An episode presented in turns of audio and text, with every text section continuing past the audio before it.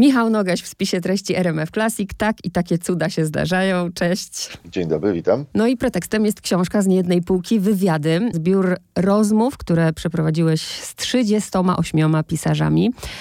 Nikt się nie obraził, że go nie ma w książce. Pytam dlatego, bo tych wywiadów zrobiłeś setki, tysiące i kluczem byli ci naj, ci zdobywcy nagród, czy jednak to, że te rozmowy były świeże, co było kluczem i czy jacyś się nie poobrażali? Mam nadzieję, że nikt się nie obraził, bo też szczerze mówiąc, nikt się nie odezwał w tej sprawie, plus też z nikim nie konsultowałem tego, czy się obrazi lub nie, że go nie będzie w książce. Nie był to oczywiście łatwy wybór, to od razu muszę powiedzieć, bo tak jak wspomniałaś e, w w ciągu tych ostatnich kilku, kilkunastu lat mojej pracy zawodowej wywiadów było kilkaset z pisarzami, pisarkami z Polski i z zagranicy, no ale kogoś trzeba było w książce umieścić, jakiś klucz wyboru zastosować i faktycznie w znacznym stopniu tym kluczem była oczywiście mm, sprawa związana z nagrodami. Bardzo mi zależało na tym, żeby w tej książce pojawili się ci wszyscy nobliści, z którymi miałem okazję rozmawiać, noblistki nobliści, laureaci najważniejszych nagród światowych i tych w Polsce, czyli przede wszystkim wszystkim Nike. Wiadomo, że książka ma swoją objętość i też e, przepustowość, jeżeli chodzi o liczbę stron. Nawet się nie spodziewałem, przyznam ci się i Państwu szczerze, że kiedy dostałem ją do ręki, ona będzie taka gruba. Wydawało mi się, że to jednak będzie znacznie e,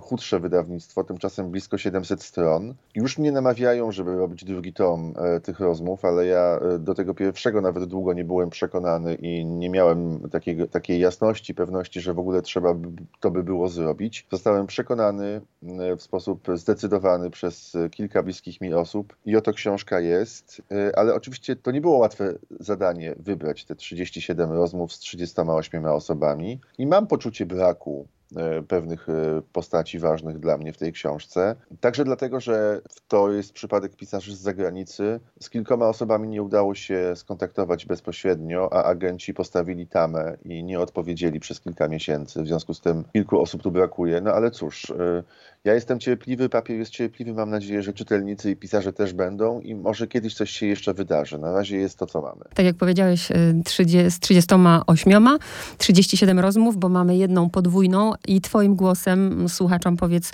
między innymi, oczywiście nie wymieniajmy wszystkich, y, tych, których znajdziemy w tym tomie. Pięcioro noblistów, czyli poza Olgą Tokarczuk, która zamyka y, cały ten zbiór wywiadów, ponad 70 stron rozmów z noblistką prowadzonych y, w ostatnich latach. Właściwie to jest taka droga Olgi Tokarczuk do Nobla od momentu ukazania się ksiąg Jakubowych w Szwecji do wywiadu już po decyzji Akademii Szwedzkiej. Są tu także Swietlana Aleksiejewicz, Orhan Pamuk, Mario Vargas Llosa. Jest też na przykład, e, jeżeli chodzi o noblistów, Alice Munro, kanadyjska pisarka, która no, powiedzmy sobie szczerze, od ponad siedmiu lat unika kontaktu e, ze światem, złamała pióro, nie udziela wywiadów i to jest jedna z najciekawszych historii zawodowych, jakie mi się przydarzyły, to znaczy w ciemno poleciałem do Kanady, żeby spróbować ją odnaleźć i zamienić z nią kilka słów, o coś ją zapytać. To jest e, jedyny reporterski tekst w tej książce, nie wywiad. Dlaczego to nie jest wywiad, ale jak udało mi się do Alice Munro dotrzeć, dostać o tym y, czytelnicy, słuchacze będą mogli w tej książce przeczytać. Bardzo wiele innych y, ważnych postaci, które otrzymały nagrody. Jest między innymi e, oczywiście Margaret Atwood, co zresztą bardzo ciekawe, bo to jest wywiad sprzed trzech lat, w którym to Margaret Atwood po prostu okazuje się być prorokinią przewidującą to, w którą stronę nasz świat pójdzie. No między innymi jest opowieść o wirusie, który będzie dziesiątkował ludzkość i wirusie, na który być może nigdy nie uda nam się znaleźć szczepionki. Z tych osób ze starszego pokolenia, y, dlatego że mamy tutaj przedstawicieli wszystkich pokoleń współczesnych pisarzy, między innymi Annie Proulx, czyli autorka Tajemnicy Brokeback Mountain czy Drwali, jedyny podwójny wywiad, o którym e, wspomniałaś, czyli pierwszy w ogóle, jak się okazało, wspólny wywiad e, z Anetą Plejel i Maciejem Zarębą Bielawskim, wspaniałą parą pisarzy. E, no, Aneta jest pisarką, Maciej także reporterem, mieszkającymi od wielu lat w Szwecji, to znaczy od momentu, kiedy Maciej Zaręba Bielawski po roku 68 z Polski wyjechał i potem poznał swoją przyszłą żonę tam. Jeżeli chodzi o laureatów nagród polskich, to oczywiście Mariusz Szczygieł, Dorota Masłowska, Małgorzata Reimer jest także ostatni, dotąd niepublikowany i autoryzowany już przez e, żonę, wdowę, wywiad z Jerzym Pilchem, którego Jerzy mi udzielił pod koniec marca tego roku w Kielcach i nie zdążył autoryzować przed swoją śmiercią w maju tego roku. Są oczywiście też laureatki, laureaci innych ważnych nagród, pisarzy z całego świata, którzy są czytani, cytowani, między innymi długa rozmowa z Zadie Smith czy z Elizabeth Stroud. Także ci młodsi pisarze, chociażby mm, Edouard Louis, współcześnie chyba jedna z najważniejszych, największych gwiazd literatury francuskiej, no długo, długo by. Mm -hmm. Oczywiście Javier Maria, ten, który na Nobla czeka, wspaniały hiszpański pisarz. Jon Esbok, którego to e, głównie kojarzymy z kryminałami, ale tutaj opowiadający między innymi o tym, jak na co dzień przepisujemy w swoim życiu mity greckiej, że był to już Szekspir, o czym często nie pamiętamy. Jest Krakus, czyli Marcin Świetlicki, mm. mówiąc o miłości do swojej bokserki, suki.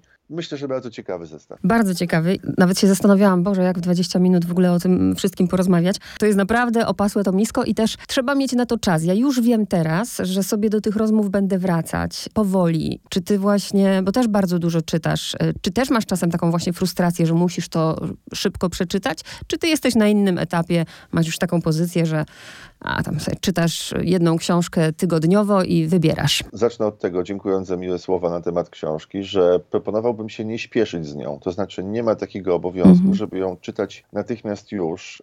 Już mam maile od czytelników, którzy piszą, że dozują sobie te rozmowy. Jedna dziennie, nawet jedna na dwa, trzy dni, bo też wydaje mi się, że tak istotne i ważne sprawy opowiadają, poruszają w tych rozmowach pisarki i pisarze, no że y, akcja być może nie toczy się tam bardzo wartko, ale padają tam ważne zdania, mm. słowa, więc polecam właśnie takie nieśpieszne czytanie mm, tych wywiadów. A co do mojego czytania, to ono się oczywiście zmieniało przez lata i w zależności od tego, ile miałem pracy i zajęć, zdarzało mi się czytać 5-6 książek w tygodniu. Teraz trochę przystopowałem, bo więcej piszę i przygotowuję się do wywiadów, ale wciąż nie udało się jakoś stępić we mnie radości czytania. To znaczy fakt, że ja coś muszę przeczytać z powodu takiego, a nie innego zajęcia, takiego, a nie innego spotkania, rozmowy, nie oznacza, że ja czytam te książki z obrzydzeniem albo z przymusu. Nie. I tak sobie ustawiam plan dnia, żeby zawsze mieć przynajmniej kilka godzin na czytanie. To może być tuż po przebudzeniu, to może być e, wieczorem przed snem, to może być w ciągu dnia przy kawie gdzieś w domu albo na mieście.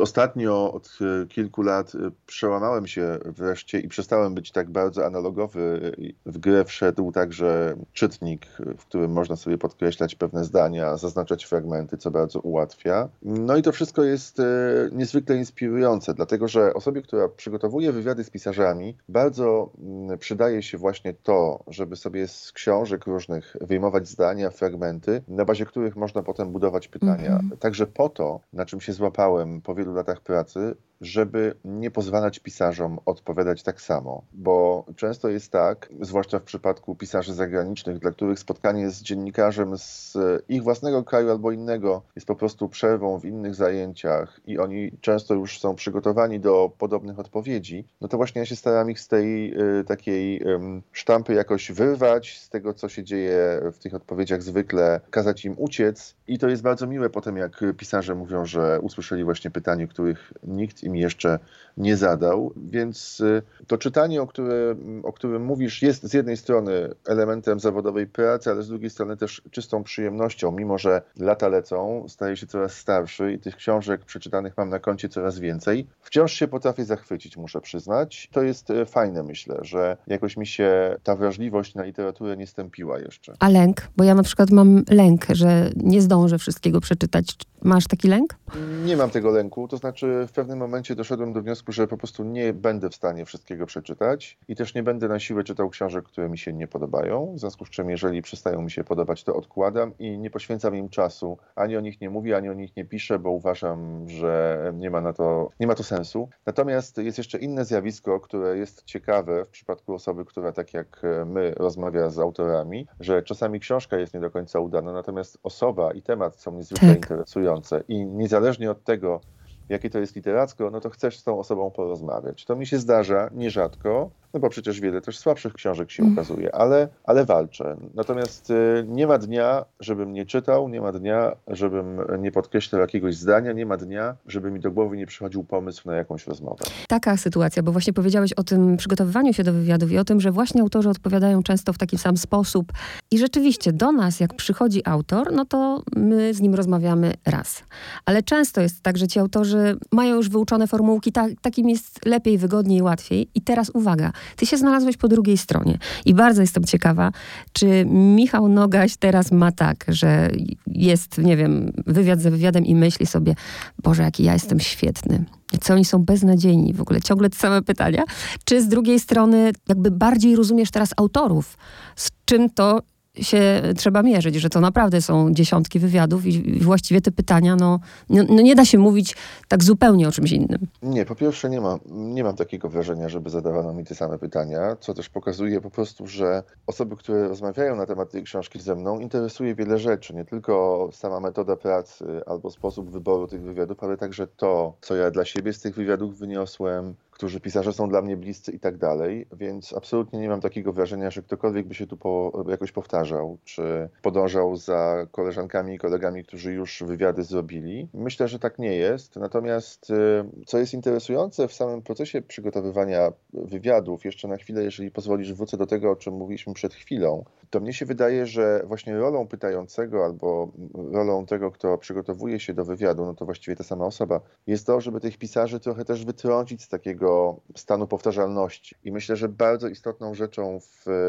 rozmowie jest to, żeby raczej słuchać niż mówić i zarzucać osobę, z którą się rozmawia dziesiątkami pytań. Nawet jeżeli ci pisarze mówią często e, pytani, oczywiście będący w tej takiej, co można nazwać taśmą produkcyjną, prawda? Nawet nie do końca mają na to wpływ, bo agenci ustawiają im wywiad po wywiadzie danego dnia w jakichś blokach i oni są już zwyczajnie zmęczeni, ja to doskonale rozumiem. To uważne słuchanie, przysłuchiwanie się temu, e, o czym oni mówią, pozwala na wydobycie z nich rzeczy zupełnie nowych, także dla nich samych często. Dlatego, że jeżeli uważnie słuchasz pisarza, bo to jest mój przypadek, że słucham pisarzy, to często gdzieś w tej wypowiedzi pojawi się zdanie albo słowo, które może spowodować, że dalej ta rozmowa pójdzie już zupełnie inną ścieżką. To znaczy, coś ciebie jako pytającą zainteresuje, zadasz to pytanie pisarzowi i on nagle już y, zmienia sposób mówienia i to, na co był przygotowany. I wtedy otwiera się pole do rozmowy na zupełnie inny temat. To mi się wielokrotnie zdarzało i to jest, uważam, świetne, że oczywiście oni w jakimś sensie no, żyją w świecie powtarzalnym właśnie przez to, że ich się pyta często o podobne rzeczy, ale wystarczy złamać ten schemat i potem, czego myślę moja książka też jest y, dowodem, uciekamy w zupełnie inne rejony i wychodzą z tego opowieści na zupełnie inne tematy niż e, autorka czy autor e, mogliby się spodziewać. Ta książka zresztą, skoro przy okazji jej ukazania się rozmawiamy, jest też dowodem na to, że mnie w e, pisaniu i pisarzach, pisarkach nie interesuje tylko sam warsztat i sama tematyka konkretnej książki, która zwykle jest punktem wyjścia do rozmowy. Mnie interesuje ich spojrzenie na świat współczesny. W związku z tym często rozmowa o książce, o jakimś temacie, zagadnieniu, które się w niej pojawia, zostało tam zawarte, otwiera pole do dyskusji, do rozmowy na temat znacznie szerszy, bardziej ogólny być może, ale mnie jako człowieka żyjącego tu i teraz interesujący. W tej książce Państwo znajdą po prostu opowieść o tak. współczesnym tak. świecie, o ostatnich latach, o zmianie, która się dokonała. Gdziekolwiek bym nie był, z kimkolwiek bym nie rozmawiał, oczywiście w Polsce, ale od Argentyny przez Stany Zjednoczone, e, po inne zakątki świata, wszędzie pojawiają się tematy, które dzisiaj są dla każdego obywatela tej planety niezwykle interesujące. Ubiegłeś właściwie moje trzy pytania, bo dziękuję Ci za radę też, ale właśnie y, to chciałam powiedzieć, że to nie są po prostu tylko wywiady.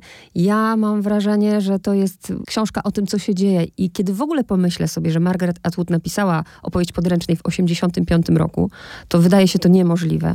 Albo kiedy popatrzę na Twoją rozmowę z Małgosią Reimer z 2019 roku, a myślę o tym, co się dzieje wczoraj. To jest w ogóle ciekawe, dlatego że w przypadku Margaret Atwood ja y, pamiętając oczywiście historię mm, opowieści podręcznej, czy inne jej książki opowiadające o takim świecie, mm, no nie wiem, postutopijnym, o, o dystopiach, różnego rodzaju utopiach, Zapytałem ją, czy pisarz może być prorokiem. Ona odpowiedziała, że nie, no ale wydaje mi się, że po tym, co się dzieje w ostatnich miesiącach w Polsce i na świecie, trzeba przyznać, że Edward ma te zdolności profetyczne. A na przykład rozmowa z Małgorzatą Reimer, o której powiedziałaś przed chwilą, jedna z tych e, rozmów, które zostały zrobione właśnie na potrzeby tej książki, dlatego że ona się w dużej mierze składa z tekstów wcześniej publikowanych, ale mocno rozproszonych gdzieś w internecie, w wydaniach papierowych i cyfrowych, gazety, magazynów różnych, w związku z czym dopiero teraz e, dzięki temu złożeniu ich w całość widać, ile tych rozmów ważnych było, to ta rozmowa z Małgorzatą Weimer na temat współczesnej Albanii i sytuacji młodych ludzi tam,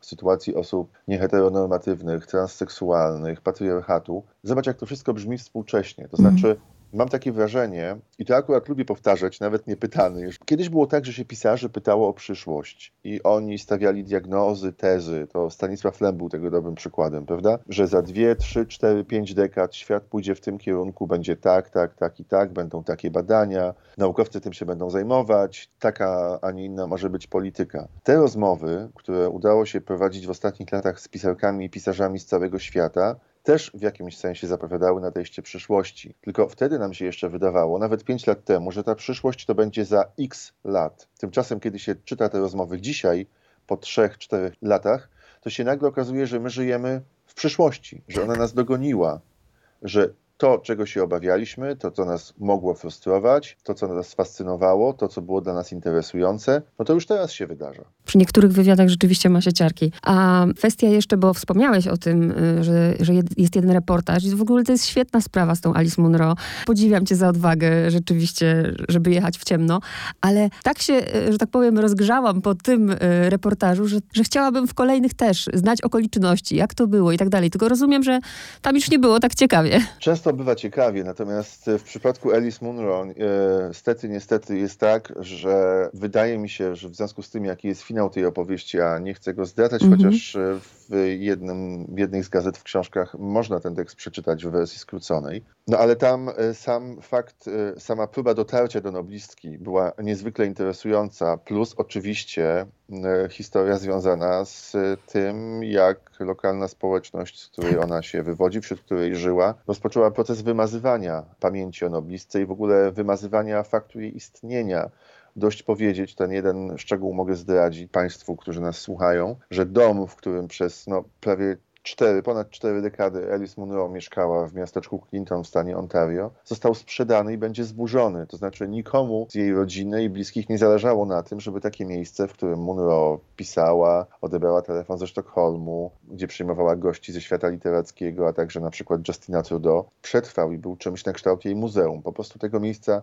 nie będzie. Sposób dotarcia mój do Alice Munro no jednak pokazujący moją desperację i przeświadczenie, że trzeba to zrobić, kiedy już się do tej Kanady e, poleciało, wydał mi się niezwykle interesujący. Okoliczności innych wywiadów oczywiście też mogą być ciekawe i anegdotyczne, natomiast tam jest co pokazać czytelnikom. To znaczy jest to dłuższa lub krótsza, ale zawsze w jakimś sensie, wezmę to w cudzysłów, no, mięsista rozmowa na tematy, które mnie interesowały i na które pisarka lub pisarz chcieli rozmawiać, więc tego już oszczędziłem. Oczywiście gdzieś przy okazji spotkań, rozmów, to mogą być ciekawe anegdoty, bo wiem, że wiele osób interesuje to, jak pisarze mieszkają, jakie mają nawyki pisarskie, o której godzinie lubią rozmawiać, a o której nie, jak się z nimi człowiek tak prywatnie kontaktuje. To wszystko jest interesujące. Natomiast tu już chciałem bardzo postawić na rozmowę i na to, żeby wybrzmiały ich słowa. Nie moje, bo te są mniej istotne, tylko ich. I w ogóle jak ty się czujesz, bo też wielki, wielki podziw. Ja pamiętam, jak wyszło ucho igielne i y, miałam ogromny stres. Y, wykonałam oczywiście telefon, ale wtedy dowiedziałam się, że właśnie ty jesteś jedynym dziennikarzem, któremu Wiesław Myśliwski udzieli wywiadu. I właśnie jak to jest? Być jedynym, z którym już pisarze chcą rozmawiać, ci, którzy już naprawdę nie chcą setek wywiadów. Nie wiem, jak to się stało i szczerze mówiąc, bardzo mnie to zawstydza i stresuje za każdym razem. To jest oczywiście bardzo przyjemne, ale przyznam się szczerze, że y, nie myślę o tym. To znaczy, nie do końca ta sytuacja też zależy ode mnie, bo przecież pisarz zawsze może powiedzieć nie, a ja to uszanuję. Pisarz na przykład każe czekać i ja to absolutnie szanuję. Pisarz mówi, umówiłam się, umówiłem się z kimś na rozmowę wcześniej, możemy porozmawiać za miesiąc i ja to absolutnie szanuję, nie mam z tym e, żadnego problemu. Natomiast no, ten fakt, że ktoś mówi na przykład, dobrze, jedna rozmowa e, z panem jest niezwykle przyjemny, ale powiem ci szczerze, że nie, jakoś się tym nie ekscytuję w tym sensie, że nie jest to coś, co sprawia, że czuję się wyróżniony. Po prostu chcę się do tej rozmowy jak najlepiej przygotować. Nie wiem, czy, czy, czy to nie jest tak, że ci uciekam od tego pytania, ale ja naprawdę szczerze po prostu staram się o tym nie myśleć. Mhm. Patrzę na czas. Emisja tego, tej naszej rozmowy we fragmentach, bo w całości będzie na podcaście, ale we fragmentach będzie 2 listopada, akurat to jest dzień zaduszny. Chciałabym, żebyś właśnie powiedział o pożegnaniach pisarzy, no bo z Jerzym Pilchem nie rozmawiałeś pewnie raz czy dwa, tylko wiele razy i tutaj to wyjątkowe spotkanie na dwa miesiące przed śmiercią. Chciałabym, żebyś jakby podzielił się tym, czego w wywiadzie nie ma. Jak ty zapamiętałeś to ostatnie spotkanie z Jerzym? Zapamiętałem je jako spotkanie z bardzo radosnym, szczęśliwym, pomimo choroby i tego wszystkiego, co go spotkało, człowiekiem uśmiechniętym. Siedział sobie w fotelu, rozmawialiśmy o jego sztuce pisania felietonów, uśmiechał się, zapraszał znowu do Kielc, jak już e, wszystko się uda tam przygotować w domu, będą po prostu osadzeni razem z Kingą w tym miejscu. Pamiętam z tego spotkania, że sobie długo rozmawialiśmy przed rozmową, potem przez ponad godzinę właśnie o felietonach. Oczywiście trochę go ta rozmowa męczyła w sensie fizycznym, ale miał niesamowicie y, otwarty umysł. Był błyskotliwy w tej rozmowie, to było wspaniałe. No a potem, kiedy już zjedliśmy obiad i wracałem do Warszawy z Kielc, to tak się uścisnęliśmy i powiedzieliśmy do zobaczenia wkrótce, niedługo się odezwę. Potem zresztą jeszcze mieliśmy kontakt, bo Jerzy się odezwał, że chciałby coś powiedzieć na temat pandemii i ten wywiad się ukazał w gazecie, o ile pamiętam, w kwietniu lub na początku maja, kiedy mieliśmy ten pierwszy lockdown. No i pojechałem i miałem wrażenie, że widzę człowieka bardzo szczęśliwego, który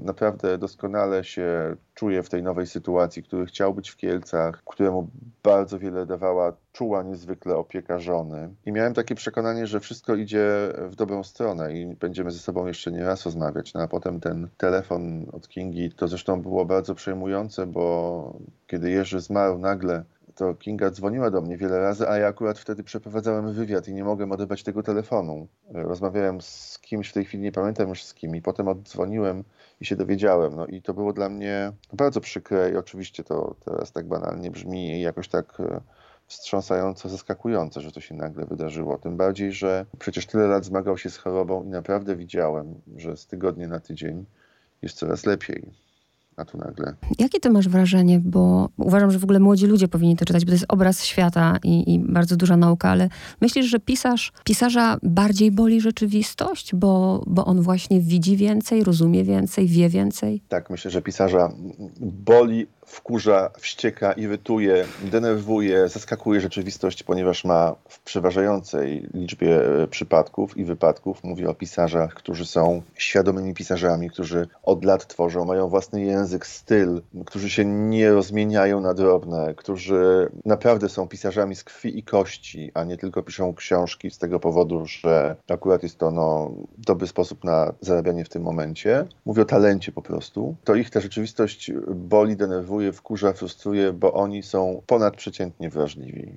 I to nie jest tylko kwestia charakteru, ale także tego, że jak mało kto umiejętnie odczytują świat, ponieważ nie tylko żyją w teraźniejszości, ale umieją też żyć w przeszłości, studiując ważne teksty, czytając wybitnych pisarzy, sięgając po teksty źródłowe itd. Tak itd. Tak Gdybyśmy słuchali pisarzy częściej, prosili ich o wypowiedzi na tematy ważne, ich, a nie celebrytów, polityków, to byśmy pewnie nie byli, jeśli chodzi o mieszkańców tego świata, tej planety, w takim miejscu, w jakim jesteśmy dzisiaj, bo oni już kilka, kilkanaście lat temu wysyłali sygnały, ku czemu to zmierza i że za chwilę staniemy nad krawędzią. No i bardzo proszę. A może by mi nie wybaczyli, więc jeszcze muszę dopytać, czy to jest, y, bo już powiedziałeś, że namawiają cię na drugą część, a czy to pójdzie w taką stronę, że Michał Nogaś przejdzie na drugą stronę barykady i zostanie pisarzem? Mówię też o fikcji. Nie. nie Krótka nie odpowiedź. Nie, nie, mam tego, nie mam tego talentu, absolutnie o tym mówię szczerze, nie mam tego talentu, nie mam takiej potrzeby. Wydaje mi się, że nie, szczęśliwie dla wszystkich nie.